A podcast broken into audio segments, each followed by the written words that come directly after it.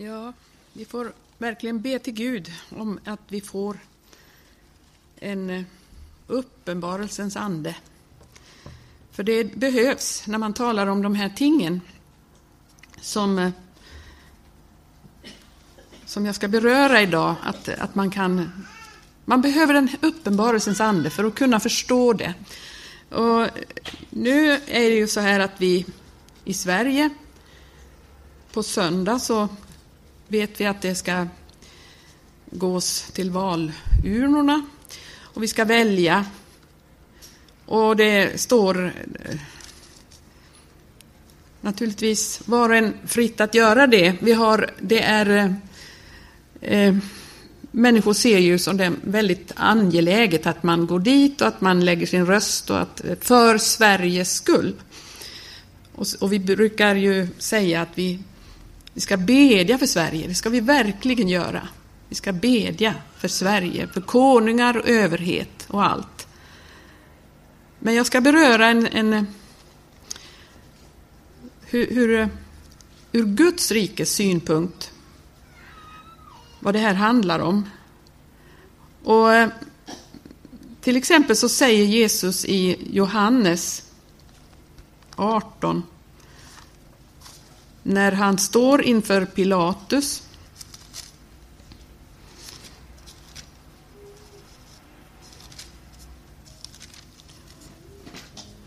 så svarar han Pilatus så här i 36 versen i 18 kapitlet i Johannes. Så säger han så här, mitt rike är icke av denna världen. Om mitt rike vore av denna världen så hade väl mina tjänare kämpat för att jag icke skulle bliva överlämnad åt judarna. Men nu är mitt rike icke av denna världen. Då sa Pilatus till honom, så är du dock en konung. Jesus svarade, du säger det själv att jag är en konung. Ja, därtill är jag född och därtill har jag kommit i världen, att jag ska vittna för sanningen. Var och en som är av sanningen, han hör min röst. Han är en konung över ett rike, men hans rike är icke av denna världen. Och eh, eh, utifrån det så kan man fundera, vi ska inte kämpa. För vore mitt rike av denna världen så hade väl mina tjänare kämpat. För då skulle det vara väldigt viktigt här i världen och i tiden att Jesus inte blev överlämnad och till att korsfästas och till att dödas som han blev. Men hans rike är inte av denna världen. Och Det är det jag ska tala om idag, hans rike. Han säger ju i Matteus, så säger han i fjärde kapitlet och sjuttonde versen, så står det när Jesus börjar tala, så säger han, från den tiden begynte Jesus predika och säga, gör bättring, ty himmelriket är nära. Gör bättring. Och vad betyder det? Gör bättring kan man också översätta, eller ibland så står det omvänd er. Omvänd er, för himmelriket är nära. Vart ska man vända sig ifrån och vad ska man vända sig till? Naturligtvis handlar det om att vända sig från världen och till himmelriket. Och vad, vad vi ska se lite vad det, vad det kan handla om. Eh, vi ska gå till Hebreerbrevet, för att jag har tittat på Hebreerbrevet och det har blivit så dyrbart för mig eh, med Hebreerbrevet. Och det var utifrån att jag läste de sista, sista kapitlet där, där det står att Jesus Kristus är densamme igår och idag, så och i evighet. Och då tänkte jag att jag måste se vilket sammanhang står det, varför står det där och vad, vad följer för någonting? Och då handlar det om, det följer det här att, att eh, låta oss alltså gå ut till honom utanför lägret och bära hans smälek, ty vi hava här ingen varaktig stad, utan söka efter den tillkommande staden. Och då, då har jag tittat på hela Hebreerbrevet och jag har upptäckt att allt handlar ju om detta nya detta nya, det tillkommande. Vi ska titta lite i verserna där i brevbrevet 1. För det talar ju först om Jesus, att han, Gud nu har talat till oss genom sin son. Han som sa himmelriket är nära, gör bättring. Han har talat till oss genom sin son. Och så står det till exempel om honom då i åttonde versen. Gud, din tron förbliver alltid och evinnerligen och rättvisans spira är ditt rikes spira. Rättvisans spira. Du har älskat rättfärdighet och hatat orättfärdighet. Därför, o Gud, har din Gud smort dig med glädjens olja mer än dina medbröder. Och så säger han om sonen, du Herre la i begynnelsen jordens grund och himlarna är dina händers verk. Det skulle förgås, men du förbliver. Det skulle alla nötas ut så som en klädnad och så som en mantel skall du hoprulla dem. Så som en klädnad skulle de uppbytas om. Men du är densamme och dina år skulle icke hava någon ände. Och till vilken av änglarna har han någonsin sagt, sätt dig på min högra sida till dess jag har lagt dina fiender dig till en fotapall. Och så, så talar de om detta, om Jesus som kom och som är så mycket högre, så mycket större än allt det som hittills hade varit. Därför att han kom och han är av evighet. Profeterna har talat och änglar har talat, men Jesus är så mycket större. Och, och så står det att i andra kapitlet Ty om det ord som talades genom änglar blev beståndande och all överträdelse och olydnad fick sin rättvisa lön, hur ska då vi kunna undkomma om vi inte tar vara på en sådan frälsning som den som Jesus kommer med? En frälsning som ju först förkunnades genom Herren och sen bekräftades för oss av de som hade hört honom varjämte Gud själv ytterligare gav sitt vittnesbörd genom tecken och under och alla handa kraftgärningar och genom att utdela helig ande allt efter sin vilja. Ty det var icke under änglars välde som han la den tillkommande världen, den som vi talar om. Vi talar ju om det nu, den tillkommande världen. Det var under Jesus som denna tillkommande världen las under. Han är konung över ett rike. Ett rike som inte är av den här världen, av den här tiden. Och vi tillhör det riket när vi har blivit födda på nytt. Det står i tredje kapitlet i Hebreerbrevet.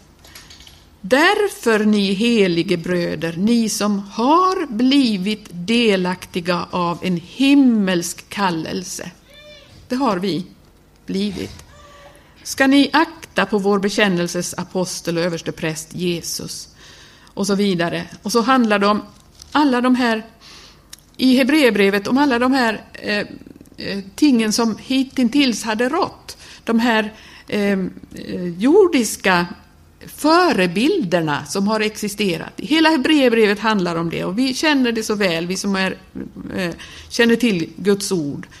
Och eh, Gång på gång så ser vi detta att det handlar om någonting nytt, någonting större, någonting bättre bättre. Och för alla er ungdomar som inte känner Bibeln så, nog, så kan ni ju gå hem och så kan ni räkna i Hebreerbrevet hur många det, gånger det står om någonting bättre. Räkna, så får ni se. Det handlar om någonting bättre som har kommit. Någonting större, någonting oerhört mycket annorlunda. Det står i nionde kapitlet, i elfte versen. Men Kristus kom såsom överste präst för det tillkommande goda och genom det större och fullkomligare tabernakel som inte är gjort med händer, det är som inte tillhör den skapelse som nu är. Här handlar det om, igen, någonting nytt och någonting som inte tillhör den här världen, den här skapelsen. Vi lever helt enkelt här såsom representanter för ett tillkommande rike. En tillkommande tidsålder, eh, en tillkom, någonting som, som vi, vi lever före, om man säger så, i himmelriket. Det står i tionde kapitlet och i eh, 32 versen. Men kom ihåg den förgångna tiden då ni sen ljuset hade kommit till er ståndaktigt uthärdade mången lidandets kamp och dels själva genom smälek och misshandling blev gjorda till ett skådespel för världen, dels led med andra som fick genomgå sådant. Ty ni har delat de fångnas lidanden och med glädje underkastat er att bli berövade era ägodelar. Ni visste nämligen att ni har en egendom som är bättre och blir beståndande. Så kasta nu inte bort er frimodighet som ju har med sig stor lön, för ni behöver nämligen ståndaktighet för att kunna göra Guds vilja och få vad utlovat är. Till ännu en helt liten tid så kommer den som ska komma och han skall icke dröja. Och min rättfärdige ska leva av tro. Men om någon drager sig undan så finner min själ icke behag i honom. Dock, vi hör icke till dem som drager sig undan, sig själva till fördärv. Vi hör till dem som tror och så vinna, våra, vinna sina själar. Här handlar det ju om då att leva i tro på detta tillkommande. Att man har tagit emot Guds ord på ett sådant sätt så att man, så det blir en, en sån verklighet för en. Så att de, som de gjorde här, de kunde, de fick möta lidande, de fick möta smälek och misshandling och blev till ett skådespel för världen. Men de gjorde det med glädje, för de visste vad de hade framöver. De visste, och, och den här detta är ju det som alla de i Hebreerbrevet 11 gick igenom. Jag, jag återkommer ofta till det och jag vet att jag, jag har läst det kanske för ofta här. Men, men i elfte kapitlet så kan vi läsa i tionde versen om Abraham, att han väntade på staden med de fasta grundvalarna, vars byggmästare och skapare är Gud. Det handlar om den tillkommande staden. Och de eh, som dog utan att ha sett eh, det, det, det som var utlovat, i, i 16 versen så står det Eh, det fädernes land som de väntade på. Det står att de, deras håg stod till ett bättre, nämligen det himmelska. Därför blygs inte Gud för att kallas deras Gud, han har berett åt dem en stad. Så var det med dem, och de såg framåt mot den här tillkommande. Och de de eh,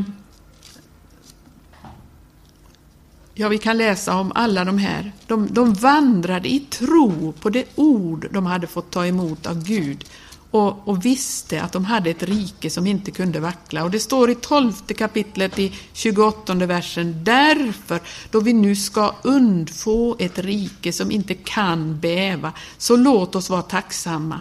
På det sättet tjänar vi Gud honom till behag med helig fruktan och räddhåga.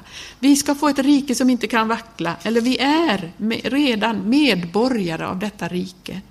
Och därför så behöver vi inte kämpa på det sättet som människor kämpar för tillvaron här. Vi har inte det perspektivet, vi har ett annat perspektiv. Vi lever med en annan, eh, någonting annat för våra ögon. Och det är en smälekens väg att göra detta. Eh, vi är, som det står i Matteus där, när Jesus börjar då sin bergspredikan så talar han ju om vem, vilka som är saliga. Och han säger till de här lärjungarna som redan hade brutit upp och börjat följa Jesus, så säger han, ni är jordens salt. Och så säger han, ni är världens ljus. Och det handlar ju om ett ljus ska ju stå, det står så här att eh, inte kan en stad dölja som ligger på ett berg, ej heller tänder man ett ljus och sätter det under skeppan, utan man sätter det på ljusstaken så att det lyser för alla dem som är i huset. På samma sätt må också ert ljus lysa inför människorna, så att de ser era goda gärningar och prisar far som är i himmelen. Och då kan man ju eh, tänka att då måste de ju få se då den här tron vi har. Men då, då står det sen att det handlar om en massa saker som vi ska göra i det fördolda. De ska inte alls se när vi eh, till exempel ger allmosor, när vi ger gåvor. Det är väl goda gärningar? Skulle de inte se dem? Nej, i sjätte kapitlet, när du ger en allmosa så låt då din vänstra hand inte få veta vad den högra gör så att din allmosa gives i det fördolda. Då ska din far som ser i det fördolda vedergälla dig. Det var inte det de skulle se. Men när vi ber då, ska de inte se hur oerhört gudfruktiga vi är så de får se nej. När ni ber ska ni inte vara så som skrymtarna, vilka gärna står i synagogorna och gathörningarna och bedja för gathörnen och bedja för att bli sedda av människorna. Sannerligen säger er, de har fått ut sin lön. Nej, när du vill bedja, gå då in i din kammare och stäng igen din dörr och bed till din fader i det fördolda. Då ska din fader som ser i det fördolda vedergälla dig. Och, och sen står det i 16 versen, och när ni fastar ska ni inte visa en bedrövad uppsyn såsom skrymtarna, vilka vanställa sina ansikten för att bli sedda av människorna med med sin fasta. Sannerligen säger jag er, de har fått ut sin lön. Nej, när du fastar, smörj då ditt huvud och två ditt ansikte för att du inte må bli sedd av människorna med din fasta, utan allenast av din fader som är i det fördolda. Då ska din fader eh, som ser i det fördolda vedergälla dig. Det var inte det de skulle se. Det var inte, handla inte om att vi ska visa upp vår gudfruktighet genom bönerna, genom allmosorna, genom fastan och, och visa upp en, ett fromt levnadssätt på det sättet så att människorna ska se. Och, men vårt ljus ska lysa. Jag vet inte, jag har inte skrivit upp det, men det står någonstans att vi är ljusets barn. Vandra då såsom ljusets barn. Vandra, det står väl i, i Johannes brev, tror jag. Vi är genom, genom vår tillhörighet av ett annat rike människor som sätter andra ting än de andra såsom viktigast.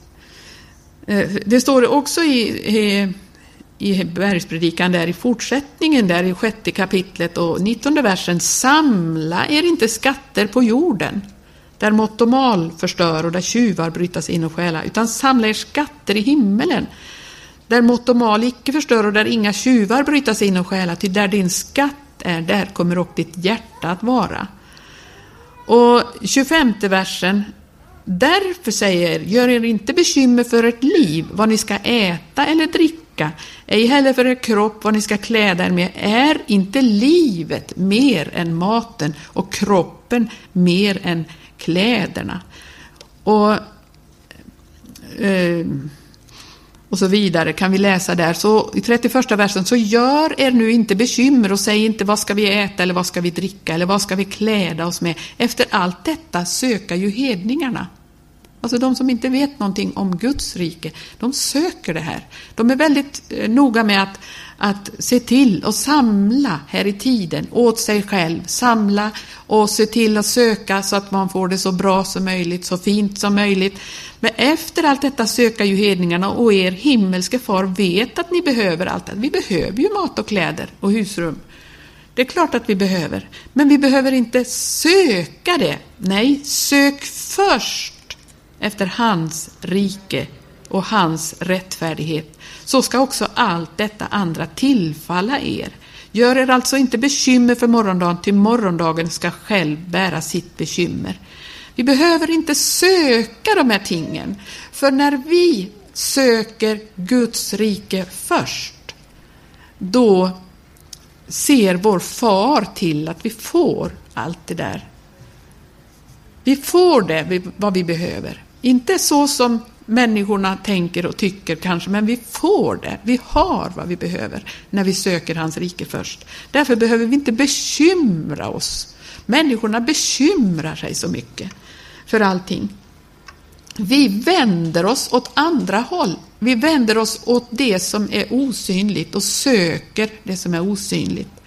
Jag sa just att vi behöver bedja för Sverige.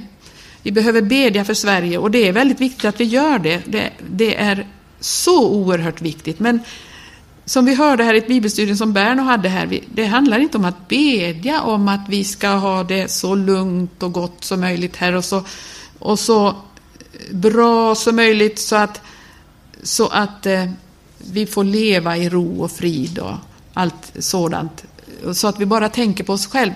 Vi beder, när, som, när vi som Guds folk ber för, för vårt land kan det hända att vi ber in det i nöd. Kanske. Gud vet bäst vad människorna här i Sverige behöver. Gud vet att om, om de ska söka honom kanske det behövs nöd av ett eller annat slag. Det kanske behövs en, en regim här i Sverige som inte vi egentligen tycker om. För att människorna ska börja söka Gud, vilket är absolut det viktigaste av allt. Och då, när vi ber för Sverige så gör vi det ur Guds rikes synpunkt. Att det som är bäst för Sverige ska ske. Bäst för svenskarna, bäst för landet. För att människorna ska söka Gud. Det är ju absolut det som är det viktigaste. Inte att vi får leva vidare i all den, i den ogudaktighet som nu är. Att det får bara fortgå i lugn och ro. Det vore ju alldeles förfärligt. Människorna behöver ju möta Gud, människorna behöver väckelse. Och vår bön kanske kan frigöra att det händer saker i vårt land som behövs för att människorna ska börja söka honom. Det allra bästa vore ju om de bara gör det i alla fall, att det kommer en väckelse genom Guds folk, att Guds folk vaknar upp över vad som är verkligen värt någonting här i tiden och i världen. Människorna är så fångade utav utav den här tidsålderns eh, Gud som driver dem till att göra så mycket så att jag vill påstå att människorna är förslavade verkligen förslavade och inte alls fria, så som de tror. Man tror att man är fri att göra vad man vill, men man är så förslavad in i tankemönster, in i levnadsmönster, så att man kan inte ens man kan, man kan inte frigöra sig ett enda dugg ifrån det. Det är sån hets efter det som att samla skatter på jorden. Det är sån hets att vara sån som man ska vara i, i vad som är trendigt, vad som är modernt, vad som är up to date. Det är sånt hets bland de stackars människorna. Jesus hade ett, ett budskap som han säger, vi kan titta i Lukas, det, det hörde vi också här i, i Jesus hade ett budskap till människorna.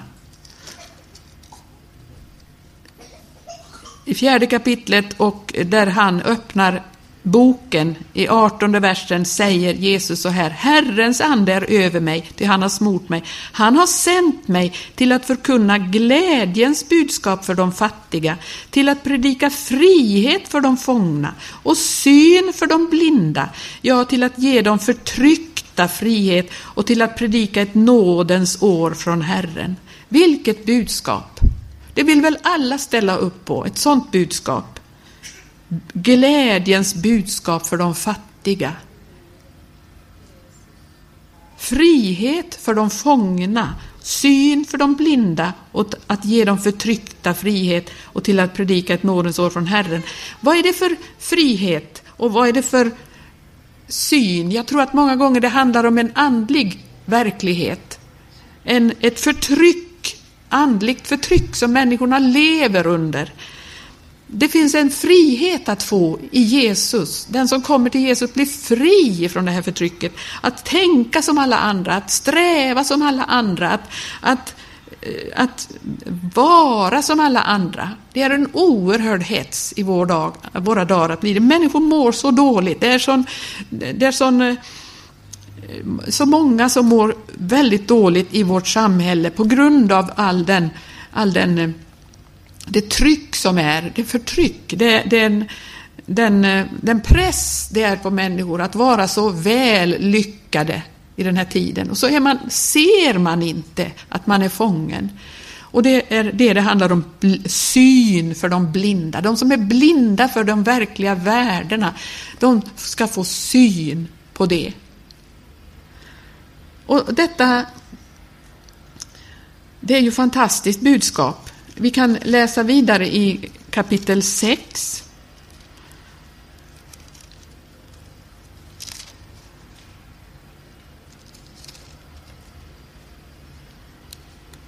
Där Jesus eh, talar också saligprisningar i Lukas 6,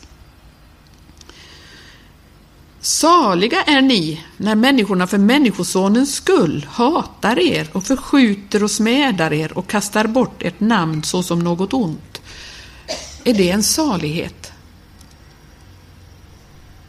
Människorna, förstår ni, de älskar ju mörkret mer än ljuset som det står i Johannes. Man älskar mörkret mer än ljuset. När ljuset kommer så älskar de inte det. De vill inte se, de vill inte ha det ljuset för det avslöjar vad de egentligen eh, är i för situation. Därför står det Saliga är ni när människorna för Människosonens skull hatar er och förskjuter och smädar er och kastar bort ett namn såsom något ont. Glädjens på den dagen jag springer upp av fröjd till se er lön är stor i himmelen. På samma sätt gjorde ju deras fäder med profeterna. Men ve er, ni som är rika, för ni har fått ut er hungnad. Ve er som nu är mätta, för ni ska hungra. Ve er som nu ler, till ni ska sörja och gråta, och ve er när alla människor talar väl om er. På samma sätt gjorde ju deras fäder i frågan om de falska profeterna. Men till er som hör mig säger jag, älska era ovänner, gör gott mot dem som hatar er, välsigna dem som förbannar er, be för dem som förorättar er om någon slår dig på den ena kinden så håll också fram den andra åt honom och om någon tar manteln ifrån dig så förvägra honom inte heller livklädnaden. Giv åt var och en som ber dig och om någon tar ifrån dig vad som är ditt så kräv det inte igen. Så som ni vill att människorna ska göra mot er, så ska ni också göra mot dem. Om ni älskar dem som älskar er, vad tack kan ni få därför? Också syndare älskar ju dem av vilka de blir älskade. Och om ni gör gott mot dem som gör er gott, vad tack kan ni få därför? Också syndarna gör ju detsamma. Och om ni lånar åt dem, av vilka kan ni, ni kan hoppas att själv få något, vad tack kan ni få därför? Också syndare lånar ju åt syndare för att få lika igen. Nej, älska era ovänner och gör gott och giv lån utan att hoppas på någon gengäld. Då ska er lön bli stor och då ska ni vara den högstes barn, för han är mild mot de otacksamma och onda. Var barmhärtiga så som er far är barmhärtig. Döm inte så ska ni inte bli dömda och fördöm inte så ska ni inte bli fördömda. Förlåt och, och er ska bli förlåtet. Ge och er ska bli givet. Ett gott mått, väl packat, skakat och överflödande ska man ge er i skötet, ty med det mått som ni mäter med skall också mätas åt er igen. Är inte det ett fantastiskt program för människorna, för oss som har lyssnat på honom? Det, det, han säger till er som hör mig. När vi hör hans ord så är det här programmet. Och det här upplever ju vi att det här kan vi väl inte uppfylla. Men vi kan det om vi tar emot hans ande, om vi tar emot hans liv. Då är det någonting som sker i oss. Och så kan vi fundera på varför hatar människorna detta så enormt? Är inte en sån människa som möter med allt det här, som älskar sina fiender, som ger åt dem som ber, och är inte, inte det verkligen älskvärt för människorna? Nej, men det representerar ett annat rike ett annat rike som denna världens furste ser som ett hot. Och om inte vi faller in i mönstret som alla andra lever efter, då upplever denna världens furste det som ett fruktansvärt hot. Och upplever att de människorna, då måste vi röja oss, röja undan. Och så, och så möter man detta hat, denna smälek, denna eh, Just det här som vi, vi, vi läste, man förhatar och förskjuter och smädar oss och kastar bort vårt namn som, så som något ont. Det, och det, det, handlar om att vi lever i ett spänningsfält hela tiden mellan detta nya rike och det, det världens rike. Mellan Guds rike och, och världen. Mellan Jesus som konung och denna världens furste. Det är oförenliga. De är helt oförenliga. Och därför ska vi så som Guds folk inte sjunka ner till att falla in i mönstret som världens barn lever efter. För då har vi redan förlorat någonting. Det står i Hebreerbrevet så här eh, och i sjätte kapitlet. I sjätte kapitlet där det står varning för avfall.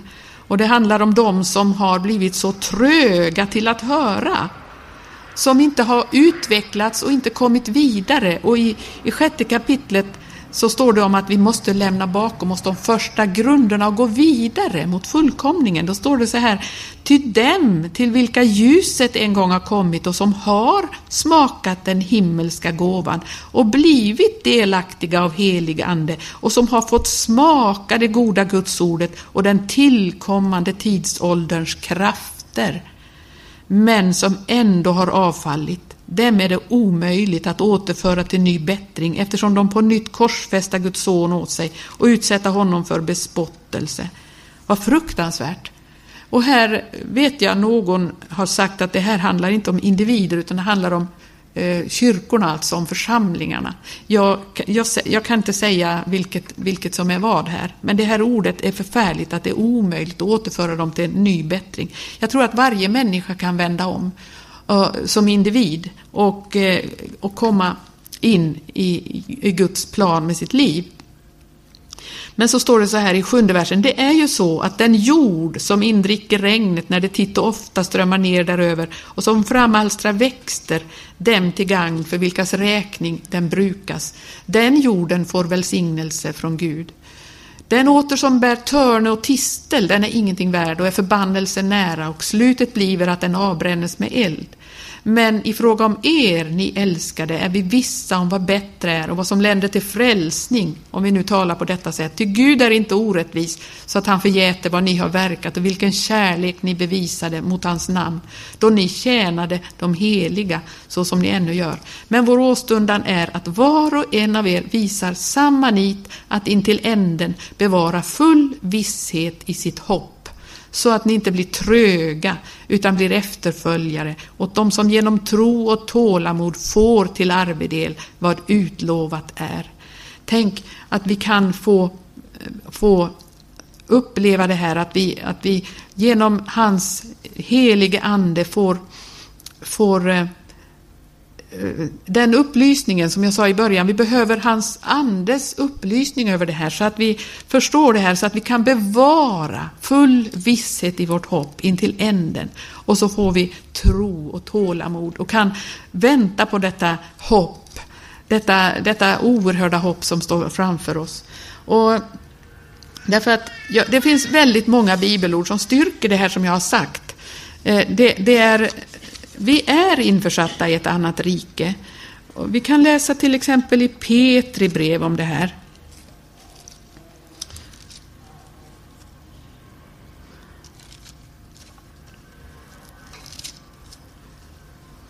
Att vi ska inte leva som de andra människorna. Eller om man tittar först kanske i, i Efesebrevet.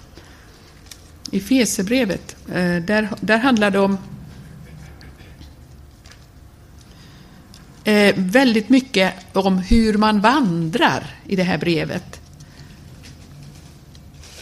Vi ska vandra såsom visa människor. Visa människor. I sjätte kapitlet kan vi titta till exempel.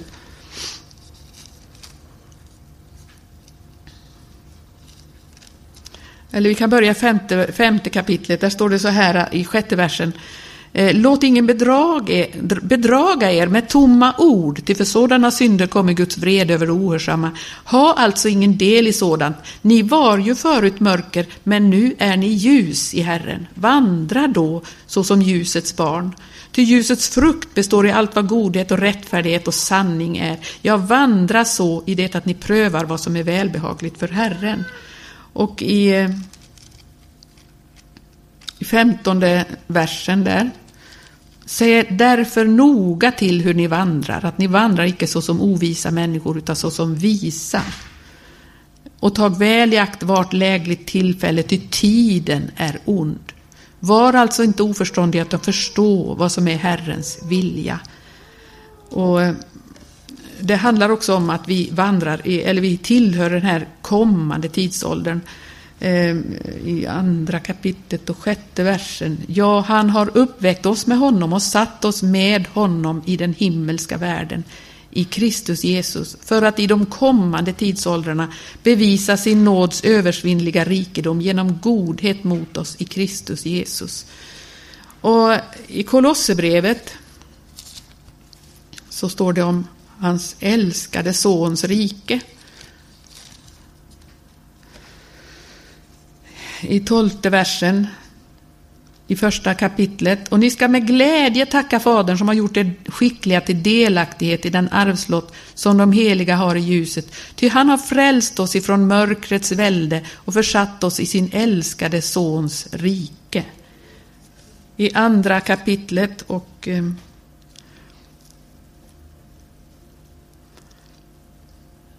Ja, det handlar om att vi är, vi är vi kan få en rätt kunskap om Guds hemlighet. Eh, vi kan läsa det från andra versen i andra kapitlet. jag önskar att deras hjärtan ska få hungna, därigenom att de slutas tillsammans i kärlek och komma till en full förståndsvisshets hela rikedom, till en rätt kunskap om Guds hemlighet, vilken är Kristus.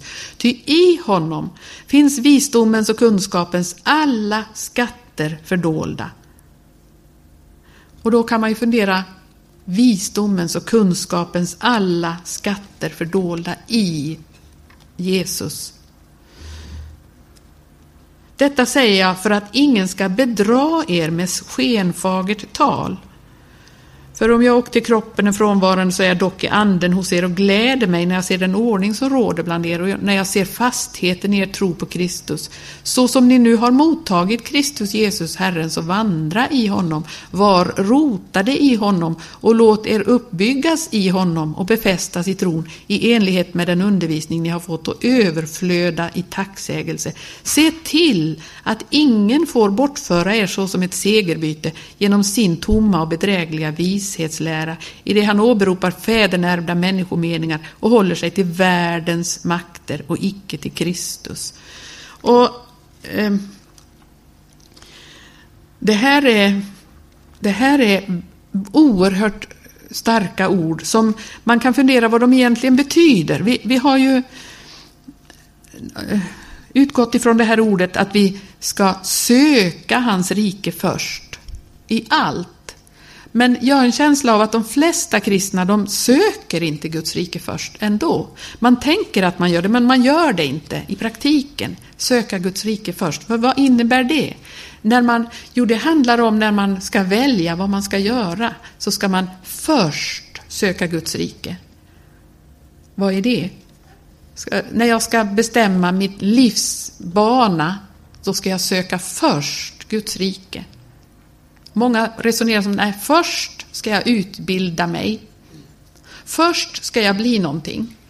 Först ska jag se till att jag får någonting som jag kan leva av och, och, eh, och försörja mig på. Först ska jag se till att jag har, eh, tjänar pengar så jag kan, så jag kan skaffa mig bostad och allt det. Och så, och så, ifall det blir lite tid över så ska jag tjäna Gud. Men söker man först Guds rike då, det är, det är, eh, vi har en väldig tro på att det är väldigt viktigt det här med att utbilda sig, att bli någonting i världen. Men om man söker först Guds rike, jag vet att jag kanske får väldigt många emot mig, men jag tror att, att det är väldigt viktigt att vi förstår att eh, jag är inte emot att man skaffar sig kunskap på något sätt, eller, eller eh, eh men jag är ganska mycket emot alla de här läroanstalterna vi har, för att jag vet att de gör någonting fruktansvärt med människorna. För det finns ju i de här sammanhangen en, en annan ande, en annan herre, en annan furste, som talar skenfagert tal, som bedrar, som bortför, med sin tomma och bedrägliga vishetslära som bortför människor som skulle tjäna Gud, som skulle först välja att tjäna Gud. Och, stå, och så står det, om man då väljer först att tjäna Gud och söker Guds vilja så får man allt detta andra. Då, då handlar det om att då får man visdomen. Man får kunskapen, för det finns i honom finns alla de här skatterna fördolda. De finns där. Man kan skaffa sig kunskapen eh, eh, genom, ifall det tjänar Guds rike. Om det handlar om Guds rike, att, att, att det jag gör, det jag väljer är för Guds rikes skull. Förstår ni? Man utgår ifrån att Guds rike är det första i mitt liv. Det första.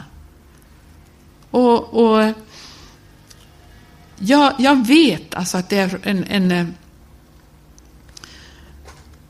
en väldigt farlig väg att, att gå ut i de här läroanstalterna. Jag, jag, jag vet det. Jag har sett det och, och har erfarenhet av det. Så att eh, jag vill att den som är ung ska veta att sök Guds rike först i ditt liv, så kommer du att få allting. Du kommer att få visdom och kunskap. Du kommer att få din försörjning. Du kommer att få vad du behöver i ditt liv. Men du kommer också att få en närhet till Jesus Kristus. Du kommer att möta smälek, för människor förstår inte det här. De kan inte förstå det, för de har inte anden, de har inte uppenbarelsens ande, de ser inte det här riket som är osynligt. Men det gör vi, som har fått hans ande i oss. Vi ser det här, detta, detta rike som vi tillhör. Och vi vet att det är det som, som står fram såsom segrande i slutstriden. Det är det rike som vi tillhör. Vi ska inte vandra som hedningarna. Vi, vi ska eh, tillhöra detta rike.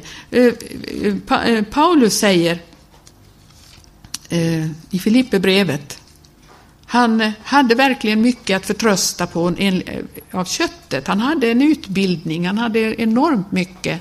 Han hade studerat, han hade en, en ett, eh, möjlighet till ett väldigt ehm, ansett liv i, i den här världen. Men han säger så här i tredje kapitlet i sjunde versen. Men allt det som var med en vinning, det har jag för Kristi skull räknat såsom en förlust. Jag räknar i sanning allt såsom förlust mot det som är långt mer värt.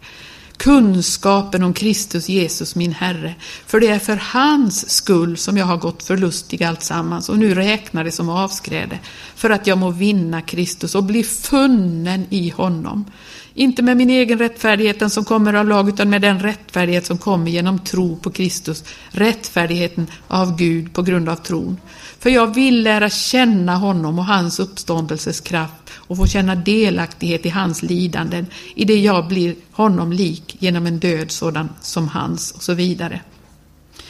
Paulus, han ansåg det vara en, inte bara ett någonting värdelöst, utan till och med en, ett minus.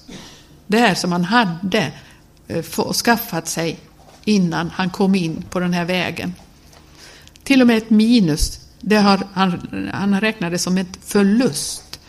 Men allt är som förlust mot det som är långt mer värt, att lära känna Jesus och vandra med honom och vara i det i den situation som Jesus var, som själv mötte hat och motstånd och lidande. Men är vi där så får vi tröst genom honom och vi får uppleva en gemenskap med honom som vi inte kan få på något annat sätt. För han är där utanför lägret. Han är där. Och gå ut till honom utanför lägret och bär hans smälek. Gå ut till honom, där är han. Där får vi gemenskap med honom. Det är det det står i Hebreerbrevets sista kapitel. Eh, Jesus Kristus är densamme. Hans budskap har inte blivit annorlunda i vår tid, så att vi i vår tid har sett och förstått saker och ting bättre än vad Paulus gjorde på sin tid, så att vi förstår ju att man måste ju, man måste så mycket här i tiden, man måste. Nej, det är han är densamme, hans väg är densamme. Att han är utanför lägret. Hans väg är smälekens väg, men hans väg är också den som leder till livet, den smala vägen. Och eh, Det står i Matteus 11 så här. Vi kan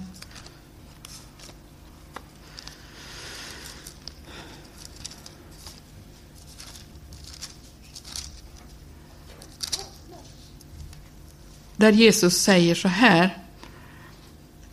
Eh, Johannes frågar i fängelset. Är du den som skulle komma eller ska vi vänta på någon annan?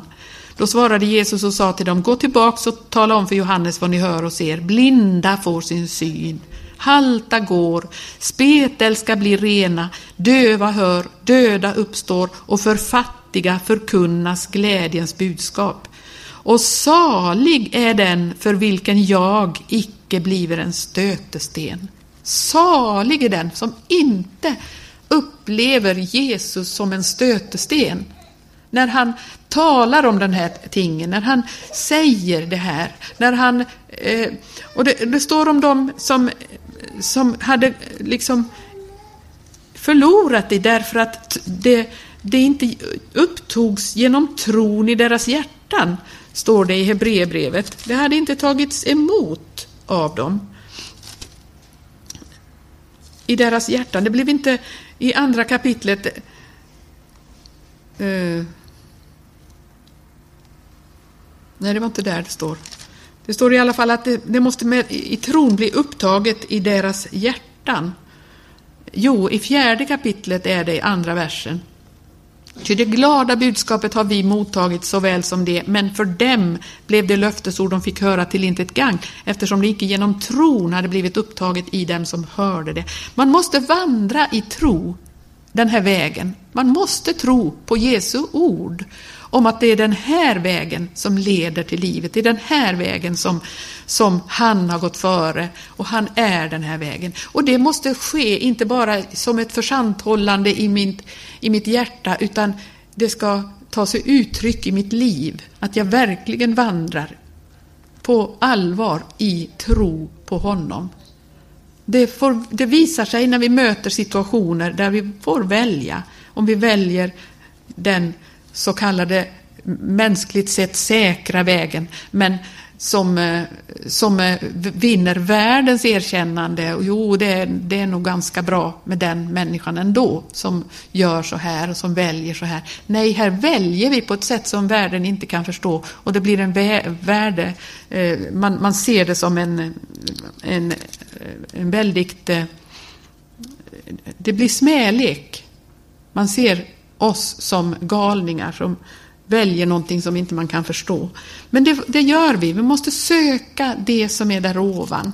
Det är det det handlar om, alla de här orden. Sök det som är där ovan. Mist ditt liv i den här världen så vinner du det verkliga livet. Och vi ska inte vandra som fiende till Kristi kors. Det är precis det det handlar om. Att bära sitt kors, ta sitt kors på sig varje dag. Att eh, vi ska så i andens åker. Och, och vi, vi, ska hata vårt liv i denna världen, men älska det liv som han ger oss. Och att vi går ut till honom utanför lägret. Alla de här orden handlar om detta, att vi vandrar med Jesus, en väg som människorna inte kan förstå. Nu har redan tiden gått och vi får sluta där. Men det är det det handlar om, Hebreerbrevet. Jesus Kristus är densamme. Igår, idag, så och i evighet. Han tillhör ett rike som inte är här i tiden utan ett evigt rike som inte kan vackla. Du och jag kan tillhöra det riket. Du, genom den heliga Ande kan vi ta emot hans ord och låta det införlivas med oss så att vi också lever och i verkligheten vandrar denna väg, denna smälekens väg. Amen. Herre Jesus, jag ber dig för var och en som har lyssnat och jag ber att detta ska få i någons hjärta få bli till någon nytta. Kär Jesus, jag ber dig Herre. Det är bara du som kan upplysa människors hjärtan, människors inre om det här Jesus. Jesus, hjälp oss du att vandra med dig, att verkligen se och förstå vad som är din vilja, vad som är gott och välbehagligt för dig. Jesus, jag prisar dig för din nåd och din heliga Ande. Jag tackar dig för din trofasthet, att du hjälper och, Åh, Herre Jesus, återför människor som har kommit fel och du kan hjälpa människor, Herre, att förstå vad som är viktigt i, i den här tiden, den här världen. I Jesu namn.